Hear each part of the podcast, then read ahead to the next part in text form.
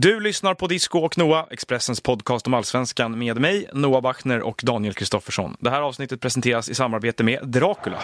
It's time to get rebel!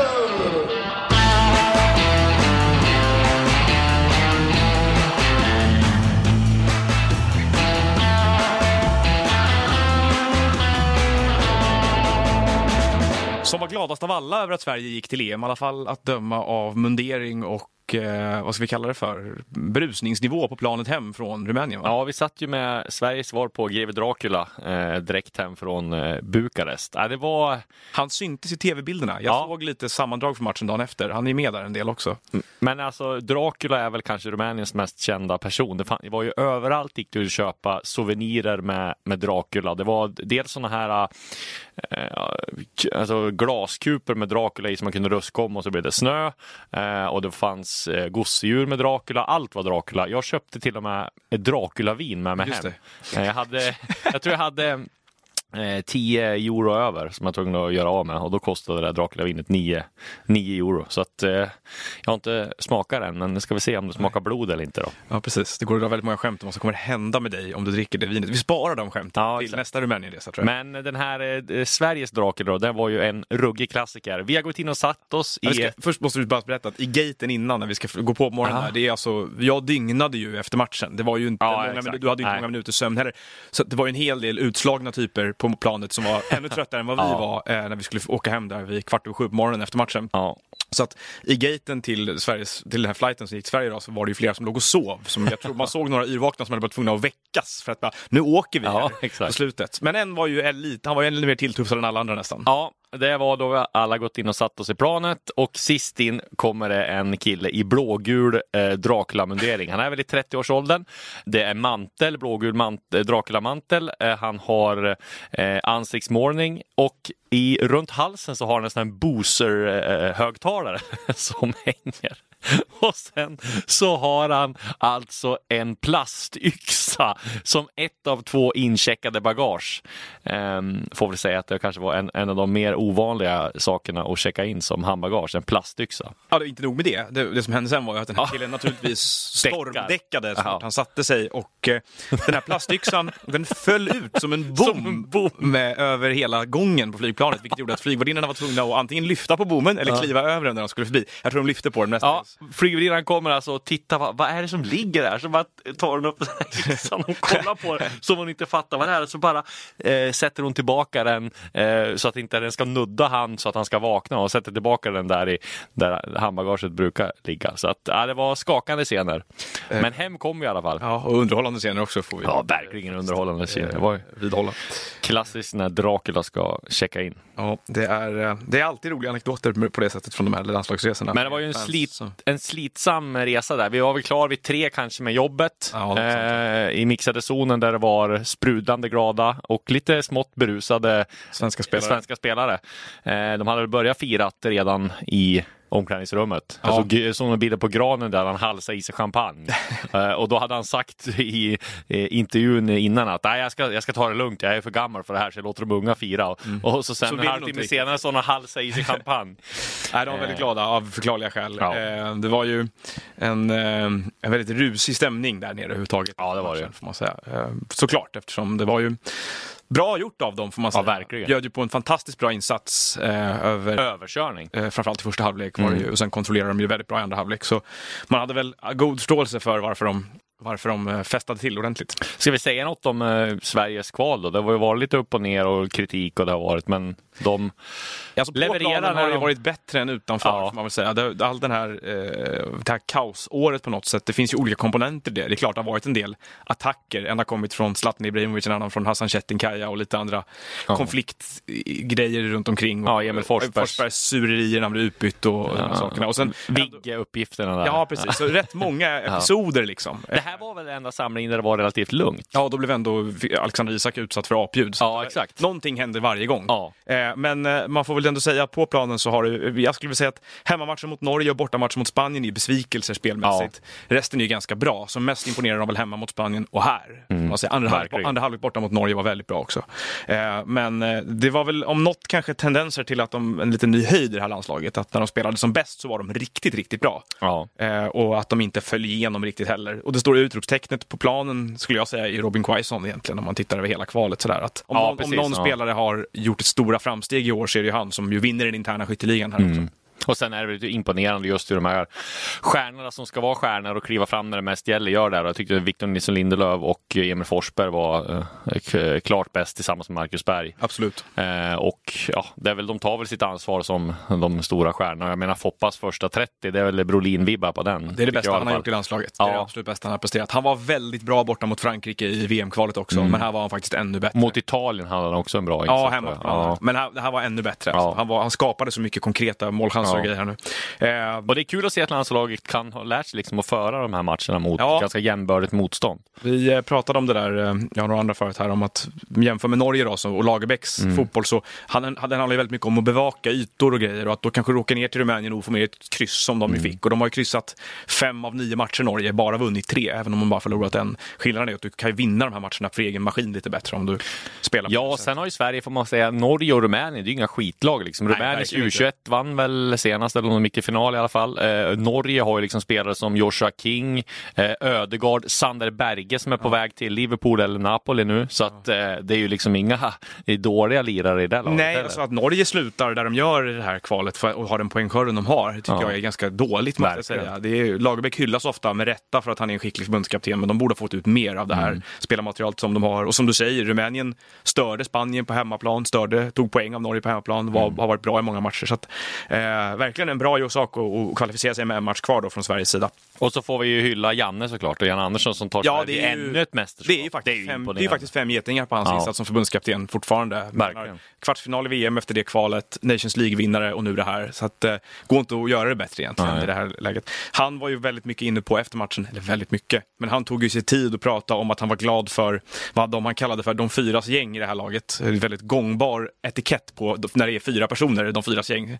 Eh, men eh, han pratade ju då om Sebastian Larsson, Andreas Granqvist, Mikael Lustig och Marcus Berg. Ja. Han tyckte att de var väldigt betydande för den där gruppen, att de tog ett stort ansvar och att han var glad för deras skull att de skulle få uppleva ett mästerskap till.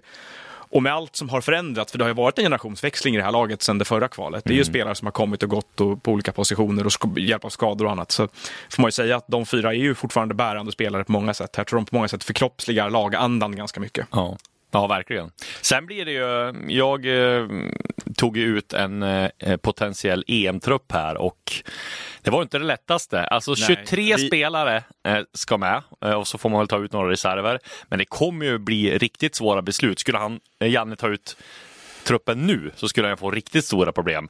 Eh, och då är det inte Ludvig Augustinsson frisk, då är inte Viktor Claesson frisk. Jakob Eh, Johansson är korsbandsskadad. Jakob Johansson är korsbandsskadad, du har Joran Larsson som går bra. Eh, det, Gör mål i Gör mål, precis. Så att eh, det kommer är bli en rysare. Det blir ju väldigt intressant. Emil Kraft var inte med här heller, ordinarie i Premier League, eller hyfsat ordinarie i alla fall får man säga. Det blir väldigt intressant att se vilka spelare som är friska och spelar och blir uttagna för att få visa upp sig i marssamlingen. Mm. För den kommer ju bli väldigt avgörande. Matchen som vi ska på här nu om bara någon timme mellan Sverige och Ja. Färöarna, den ser ju Jan Andersson uppenbarligen som ett skyltfönster för många av de här spelarna Ja. som man inte har kunnat titta på Nej. för att det har varit skarpt läge varje match hela året. Så att vi väntar oss väl, vi vet ju startelvan på ett ungefär ikväll Ja. eh, och eh, vi väntar oss väl att Kulusevski får speltid också. Ja. Eh, Och det här är då liksom en mannekäng egentligen för Mattias Svanberg, för Muamer Tankovic, för Ken Sema, för Ricardo Gagliolo, för... Och sen måste det komma, Marcus så det kommer alltid någon joker. Ja, det är det jag menar. Alltså, För nya genombrott i vår och det blir jättejobbigt. Allt Ja, ja. alltså. Det är... eh, Jag tänker bara på just anfallspositionen där du redan har nu liksom cementerat med Berg, Isak, Quaison. De tre är ju klara. Ja, och och eh, Sebastian Andersson som har gjort fem mål i Bundesliga. Ja. Alltså då har du John Guidetti som har varit med nu och inte gjort någonting och är på läktaren. Byter han klubb och kommer igång, ja vad händer då? Mm. Jordan Larsson som går bra i Moskva. Alltså, Isak Kistelin som inte som inte ens är med liksom, som också som kan har- också byta klubb i ja. och få spela mer. Ja. Du kan få ett oväntat genombrott på Benjamin Nygren. Du Ja. kan få Viktor Gyökeres kan blomma ut Ja. Mm. i San Pauli som de verkligen gillar. Eh, vi har Mikael Ishak som var med i en trupp ganska nyligen. Det är väldigt många spelare plötsligt. Mm. från att ha varit känt ganska tunnsått på den positionen. Och Zlatan kanske öppnar igen. Exakt. Han är inte välkommen tillbaka nu. Men eh, vi... Eh, eh, Ja, mittbackspositionen, den är ju också, också helt extremt utsatt. Ja. Det, det känns som att... Där har du Helander, Jansson, Lindelöf och Granen. ja, då har vi som inte Ga- ju är de fyra som har varit med. Ja, och då har du inte, vad ska du göra med Gaggiola då? Ja, han är väl just nu backup på vänsterbacken. Ja, om man och där så. finns det ju Pierre Bengtsson, Ludvig Augustinsson, Gaggiolo. Martin Olsson kan komma tillbaka. Ja. ja, du ser. Det är Eh, och på högerbacken så känns ju Lustig, kommer ju spela såklart. Ja. Bakom honom har Kraft varit tydligt andra val hela Ja. tiden. Det som skulle kunna utmana där är väl i sådana fall ett, ett större genombrott för Felix Beijmo, men det känns avlägset Nej, just nu. ja. Linus Wahlqvist spelar. Eh, men- känns också avlägset ja. nuläget att de skulle ta sig in i- på den positionen. Där känns det som att han är ganska nöjd med vad han har. Då har vi inte ens pratat om yttrarna. Nej. För att det tycker jag är nästan det, mest, det som är mest sådär stressande att titta på just Mm. nu. Det är ju att det är många spelare som känns som att de har kommit upp i landslagsnivå Mm. här. Eh, Forsberg är ju självskriven. Claesson likaså om han är frisk tror Ja. jag. Eh, Men det, och där är det ju frågan. Hinner är, Durmaz är inte med i den här truppen. Nej. Han har varit med i jättemånga trupper. Kulusevski slår igenom. Tankovic har slagit igenom på Ja. allvar. Kent Sema gör det bra i Udinese. Då har du Alexander Kasaniklic som jag tycker är nästan, har en högre högsta nivå än Mujo i Bayern också. Som, Var är Sam Larsson i allt det här? Ja, han är ju inte exakt. med nu Nej. heller. Eh, det är oerhört många spelare som knackar på dörren. Mattias Svanberg kommer göra ett, som då, jag såg, har sett hans två senaste matcher i Bologna. Mm. Eh, han är en spelare som eh, tar, går från klarhet till klarhet och det kan gå fort också. Plötsligt Mm. så är han, du vet, en 19-årig svensk som spelar i Serie A och gör det bra. Han är ju som med Kulusevski och de ryktena som uppstår runt honom nu. Plötsligt är Svanberg helt självskriven Ja. i den här truppen också. Och då har du Ekdal, Olsson, Svanberg, Sebastian Larsson. Vad spelar du honom Ja, exakt. Det, ja, det är, eh, vi har nog inte, jag har nog inte sett den här konkurrensutsatta situationen. Ja, just när jag fick den sådär på pappret också och skulle ta ut lite jokrar och sådär. Så jag menar, Marcus Danielsson kommer få det extremt eh, jobbigt att komma med. Ja. Alltså, så att, ja. Ja, och Pierre är- Bengtsson som har spelat hela, ska han bli petad då i sista som han blev i Hamrén? Ja, det är svårt att se också, men nej, det är ju assvårt såklart. ja, och så Sebastian Rajal också. Det blir inte lätt det här. Exakt. Frågan är man ska, hur man ska konstruera det här. Du gjorde ett försök där. Eh, Ja. och det går ju att vrida och vända på hur mycket som helst. Men han, klart är att Jan Andersson kommer göra väl, några väldigt, väldigt besvikna och han kommer att ha tuffa beslut att ta framför sig. Men eh, Ja. han tog ju ett väldigt tufft beslut eh, senast när han petade Ken Sema. Ju. Det var ju... Ja, på, i VM-truppen. VM-truppen. och Sema pratade om det där eh, när vi träffade honom igår inför matchen här då, att han har ju inte fått chansen sen han fick chansen i den där fruktansvärda bortamatchen mot Rumänien Ja. i Craiova i mars 2018. Där underlaget var förfärligt, matchen Mm. avbröts av bangers flera gånger och andra saker på läktarna. Eh, fjärdedomaren var rumän, Sverige spelade, fick inte till något spel överhuvudtaget på grund av alla de här omständigheterna mycket. Eh, det blev eh, inte alls en bra uppvisningsstund för honom eller för någon annan i det laget Nej. egentligen. Och Sema kändes som att han är väldigt revanschsugen, så det blir kul att se honom spela mot Färöarna nu. Mm. Med lite mer eh, tid och lite, mer, lite bättre underlag kanske. Verkligen. Och sen var det det här trista då som vi tog upp eh, efter matchen när apljuden mot Alexander Isak eh, som alla fördömde och ja. Eh, Nej, inte alla. Nej, inte alla. Det var ju någon i, idiotisk rumänsk journalist där som, jag, som fortsätter att driva på att Sverige var idioter och att det här var bara påhittat alltihopa. Berätta lite grann. Du var på presskonferensen där. Ja, jag bråkade även med honom lite Ja. efteråt där. Men, eh, nej, men eh, så här var det ju. Så här, vi fattade inte från läktarhåll riktigt vad som hände. Nej. Men att de ropade ut på rumänska högtalarna att någon, man uppfattade ordet rasism egentligen. Mm. Domaren bröt matchen. Det som hade hänt då, som Alexander Isak berättade efteråt, det var att Isak själv hade hört vad han menar är apljud och eh, andra rasistiska glåpord. Mm. Ja. Eh, och säger till domaren, domaren säger jag har inte hört någonting. Och sen spelar de vidare en stund och sen bryter domaren matchen och säger nu hör jag också. Mm. Ja. Eh, och därför bröts matchen. Ja. Och, här... Och sen säger Isak att ska jag bryta matchen frågar domaren. Nej, spela vidare. Vi kör på. Det är bara några minuter kvar. Säger han. Precis, och där blev det lite så här kan man fundera på efteråt att där hyllades Isak väldigt mycket för att han var stark och så Ja. vidare. Han ska ju få bryta matchen också. Ja. Han är ju inte svag om han bryter. För Nej. jag menar att det är Nej, liksom nej, nej. inte någon uppvisning av sådär eh, att Isak är en hjälte som spelade vidare i apljuden. Tvärtom, finns det ett protokoll att följa så kanske till och med Granen skulle kunna säga att vi Ja, bryter. exakt, exakt. Eh, så att, för det, det drabbar ju alla om det drabbar honom på något Ja. Men strunt i det. Så, eh, den, större, den större diskussionen som blev efteråt här då är ju att Eh, Jan Andersson och alla andra eh, hade ju väldigt lätt att säga att ah, det här är förfärligt. Liksom. Mm. Och det betyder ju att du litar ju såklart på Isaks vittnesmål. Det är ganska enkelt att fråga sig varför han skulle hitta på det här. Ja. Alltså, eller varför domaren och han skulle hitta på Exakt. det här. En rumän, eller om det var en rumän, en person som gav sig in i min, min Twitter-diskussion med den här rumänska journalisten då, eh, menar ju att det kunde varit George Soros som låg bakom det här. Drag i trådarna. Ja. Eh, det, det, så där spårade du åt det hållet ganska Hyfsat. snabbt, eh, som du brukar tendera att göra i sociala medier. Hur som helst, det bråket som uppstod efteråt då var ju att det fanns ju en konflikt innan matchen här också ska vi säga. Där rumän, många rumänska journalister framförallt och rumänska förbundet upplevde att svenska, likt norska medier, Mm. hade skildrat en situation med rasism på rumänska läktare som de inte tyckte var rättvis. Nej. Rumänien straffades av Fifa, eller av Uefa ganska Ja. nyligen, och det menar de då är anti-ungerska ramsor mot en ungersk minoritet i landet. Vad man inte tar upp är ju att det till exempel då kampanjades hårt för att Rumänien inte skulle neutralisera två nigerianska spelare här om året av, jag gissar vilka skäl. Mm. Eh, det står klottrat utanför vilket DNs reporter Malena Johansson visade i ett reportage, står klottrat runt arenan nej till eh, främlingar eller eh, invandrare eller något sånt där. Ja. På, nej till utlänningar tror jag står. Eh, på, på nära, närheten av arenan av de här ultrasgrupperingarna. Eh, dessutom har, finns det ganska många fall av antiziganism, alltså mot hat mot romer Mm. eh, i, eh, eh, i ungersk fotboll de senaste åren. Så att, att de har problem med rasism i ungersk Rumänsk. fotboll är ju är, i rumänsk Välkommen till Coolbet där spänningen aldrig tar slut och underhållningen står i centrum. Här får du inte bara Sveriges bästa fotbollsodds, du får också en spel...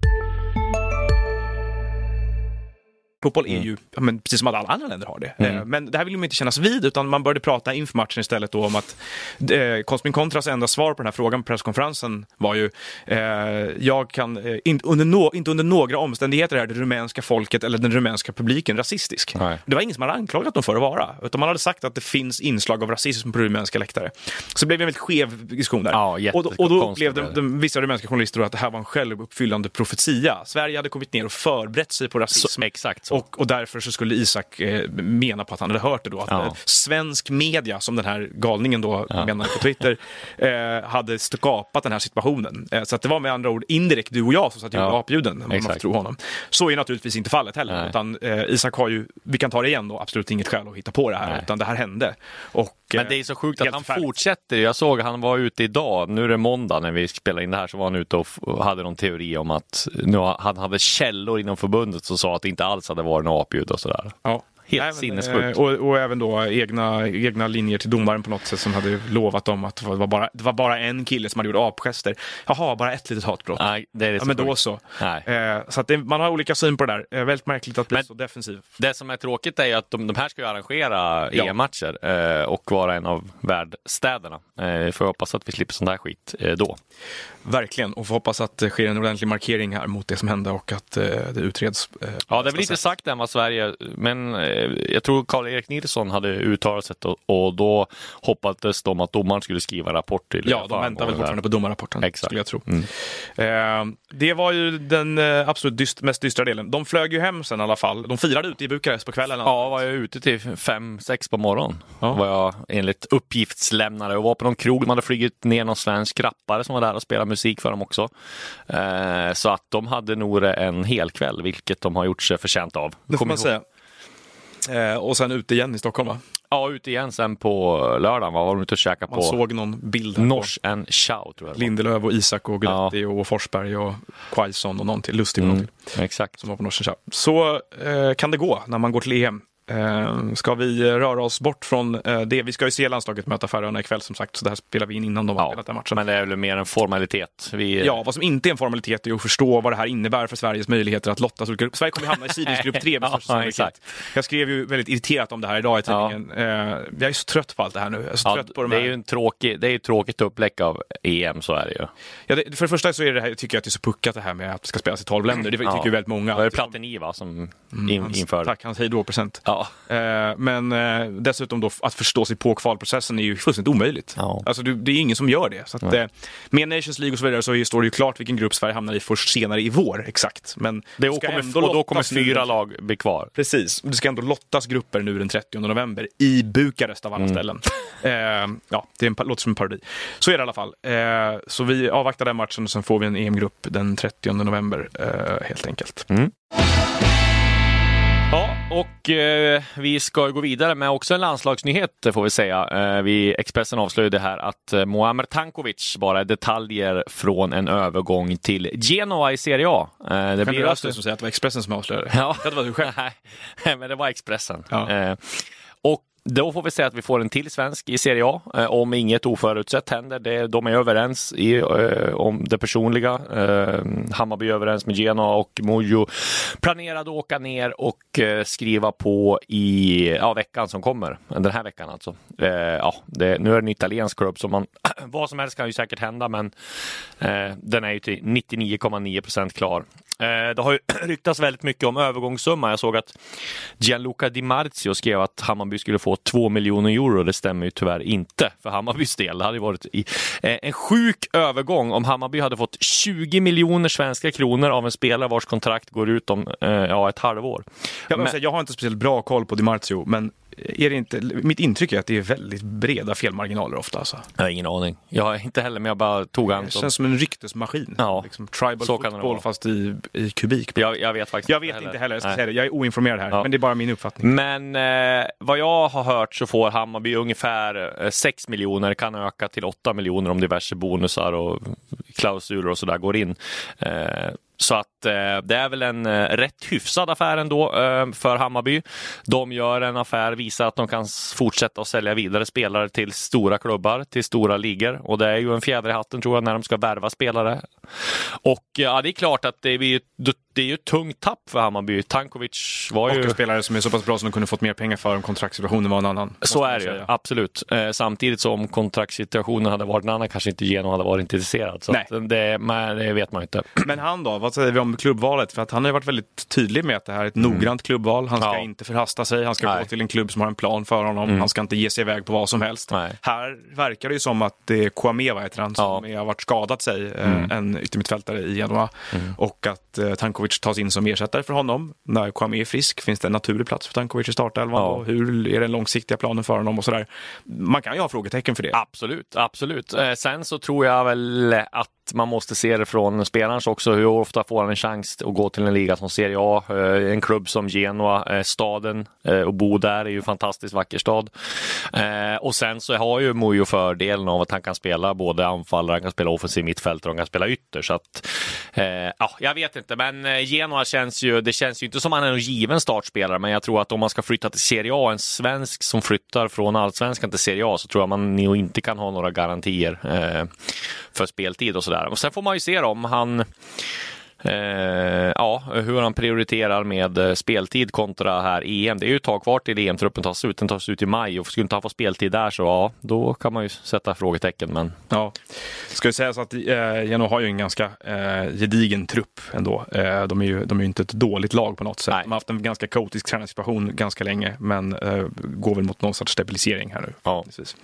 Eh, Men det blir spännande att följa i alla fall. Tränas av Thiago Motta. Ja. Det, det är ju, finns ju en spelintelligens någonstans där alla fall. Verkligen. Får hoppas att han vet vad han gör då, om det är han som tar beslut om att plocka in Tankovic. Mm. Eh, vad händer mer då egentligen? Ja, vi har ju skrivit här också om Erik Otiena som AIK eh, är på. Eh, en vänsterback eh, från Vasalund som är med i Kenias eh, A-landslag. Spelar. som tog in en stor Ordinarie. mängd eh, afrikanska spelare inför säsongen. Ja, precis. Man kan väl vara så här, som jag fattar som AIK har ju varit nere i Kenya och scoutat. Det är väl Tobias Ackerman som har skött det. De, det fanns väl säkert, nu, nu vet jag inte 100 procent, men jag kan gissa det att det fanns en tanke med att placera han i Vasalund och se hur han skulle hjälpa till med utvecklas. lönerna därför. Att, Precis, Ja. och han är ju alldeles för bra för att spela division 1. eh, Så att jag tror att han kommer vara en startspelare när AIK drar igång här. Mm. Vad jag fattar så är klubban överens och det är bara detaljer som återstår innan han presenteras. Jag tror till och med han kan eh, presenteras här efter landslagsuppehållet när han kommer tillbaka så tror jag att nog han kan vara med i AIK om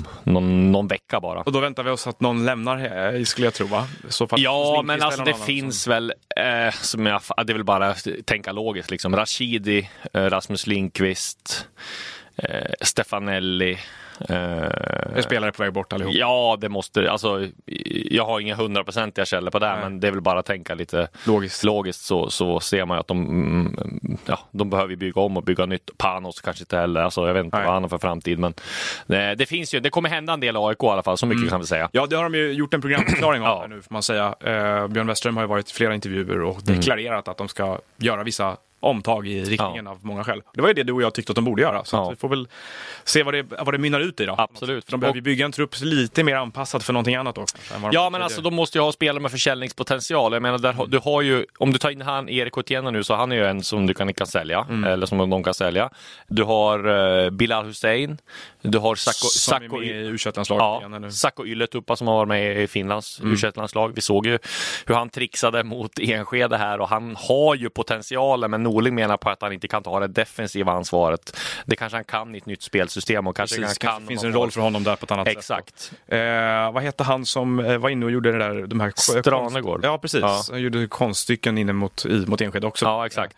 Så de har ju egna spelare som de kanske lyfter fram Ja. också. Ehm, så att det är väl det, åt det, åt det hållet det lutar AIK ganska mycket. Ja. som. Inga jätteinvesteringar kanske. Nej, och sen får man se vad, vad som händer med Linnér då. Eh, Just men där sagt, sagt... Sam, Samuel Brolin står på tur, skulle man tro. För de, honom verkar de ranka väldigt högt. Ja, precis. Men jag tror ändå att om Linnér försvinner så tar de in någon annan. Vågar inte ge ja. honom- Nej, det tror jag absolut inte. Inte en målvakt. Men däremot så är det ju jätte, som det vi har sagt tidigare, det är väldigt svårt att sälja målvakter. Ja, det vet eh, väl eh, Norrköping också vid det här laget. Ja.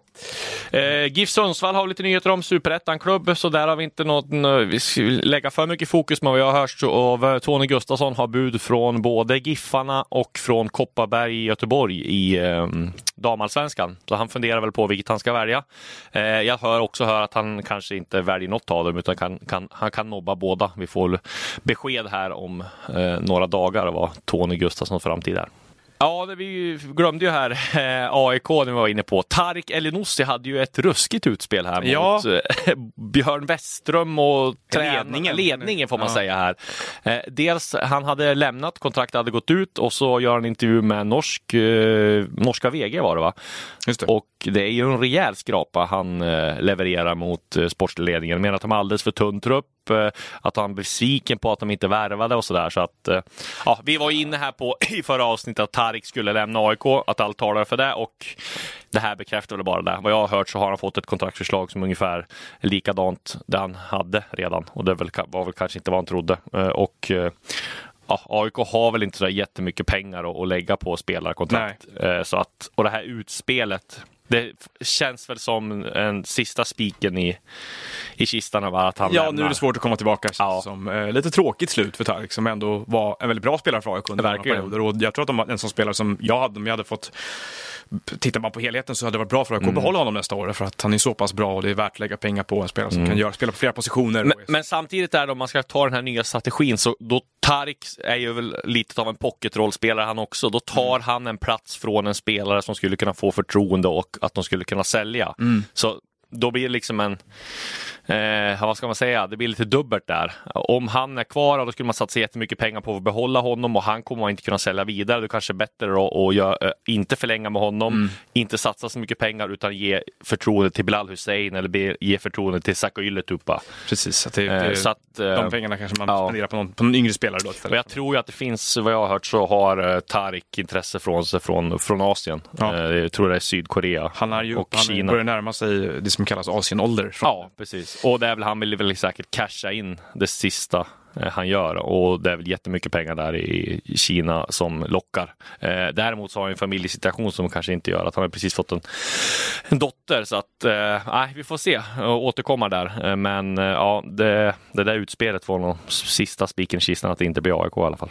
En del andra saker som är på gång att hända är ju att eh, det är rejäl eh, renovering i Kalmar där eh, Mattias Rosenlund fick sparken som Ja. eh, klubbchef, heter det va? Tror jag. Eh, och eh, det ska därmed in ganska mycket nytt folk i Kalmar. Eh, Ja. Även Jesper Norberg som har varit sportchef här jobbade väldigt tätt med Magnus Persson har ju en, vad ska vi kalla det, osäker framtid med tanke på att han är bortkopplad från allt som händer i klubben just nu. Eh, så att Kalmar väntar vi oss stora förändringar i eh, under vintern, under de närmaste veckorna förmodligen. Ja. Eh, en annan bisarr grej som hände här var ju då att Djurgården eh, s- stormning av planen Ja, mot helt- Norrköping Ja. Alltså- mynnar ut i en polisanmälan mot eh, eh, Norrköping, IFK Norrköpings evenemangsansvarige eller säkerhetsansvarige. Och eh, eh, jag vet inte var jag ska börja med det här igen. Nej, det är, det är- ruggigt spänt där fortsatt mellan, alltså det är helt Ja, galna det är grejer. spelförståelse på en ettåringsnivå ungefär. Ja. eh, Av hela grejen. Det är ju, vad är problemet undrar jag? Nej, det är Det är väl rätt mycket viktigare grejer att hålla på med. Ja. Eh, Så att, eh, ja. Men men vi, som nästa- var, där- vi som var där i planen kan ju bekräfta att vi utsattes för livsfara och eh, bra att de hoppas de får tag i den, ans- i den skyldige. Ja. Som är Men säkerhetschefen. vad fan liksom. Nej, nej, det är sjukt. Ja, vi, får, Men- vi får ta ett annat mer eh, sakligt. Men har vi, någon, har vi någon uppdatering här med villkorstrappan och alltihop? Och vad är nästa Nej. steg? Det är ingen som... Nej, mer än att det, det är dialog fortfarande. Liksom. Att jag, jag redogjorde ju i förra avsnittet för eh, en ganska viktig dom när det gällde hur man kan villkora kring resultat istället för Mm. åtgärder. Eh, kan man lyssna på från förra avsnittet då, där Djurgården ju vann i kammarrätten mot eh, polisen Mm. med hjälp av Svenska fotbollsförbundet. Det är väl läge att uppdatera sig om det där under de kommande veckor och se vart händer barkar. För att eh, eh, vi kommer ju få samma problematik i början på nästa år om inte. Sen var det ju, eh, jo, vi har en, en, en grej som vi inte nämnt här är ju att eh, SEF tillsammans med eh, SFSU, Svenska Sportföreningsunionen, Ja. gick ut och begärde en nationell samordnare för, eh, i de här frågorna som ska prata, som ska lyda under Mikael Damberg då tror jag. Eh, Mm. För att eh, på något sätt få igång en dialog och samverkan igen så att inte det här fortsätter. Eh, det, den efterfrågan har ju Damberg reagerat på. Han ska väl undersöka det i alla fall, säger han. Eh, sa han till oss när vi rapporterade om det. Eh, och jag tror att även Svenska fotbollsförbundet, vad jag förstått det som, är väldigt positivt inställda till det här. Så där borde man ju gå samman då och ställa kravet gång på gång på gång egentligen tills det dyker upp en sån. Därför att man, någon sorts gemensam samtalsplattform behövs ju för att inte det här ska bli ett problem nästa år på samma sätt igen, utan att det ska lugna ner sig lite grann. Vi, vi eh, kommer att ägna tid, eller jag kommer att ägna, att ägna tid åt det här under vintern i alla fall. Bra. Eh, vi nöjer oss så va, för den här vi. veckan. Och så ska vi eh, kolla på Sverige mot Färöarna och så är vi tillbaka nästa, förmodligen nästa onsdag. Mm. Eh, och det är mitt fel. Vi får kom, återkomma till varför. Ja, Vi hörs om en stund. hej.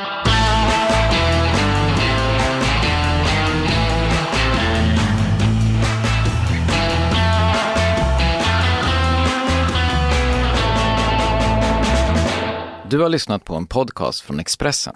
Ansvarig utgivare är Klas Granström. Har du också valt att bli egen? Då är det viktigt att skaffa en bra företagsförsäkring. Hos oss är alla småföretag stora och inga frågor för små. Swedeas företagsförsäkring är anpassad för mindre företag och täcker även sånt som din hemförsäkring inte täcker. Gå in på swedea.se företag och jämför själv. Hej, Synoptik här. Hos oss får du hjälp med att ta hand om din ögonhälsa.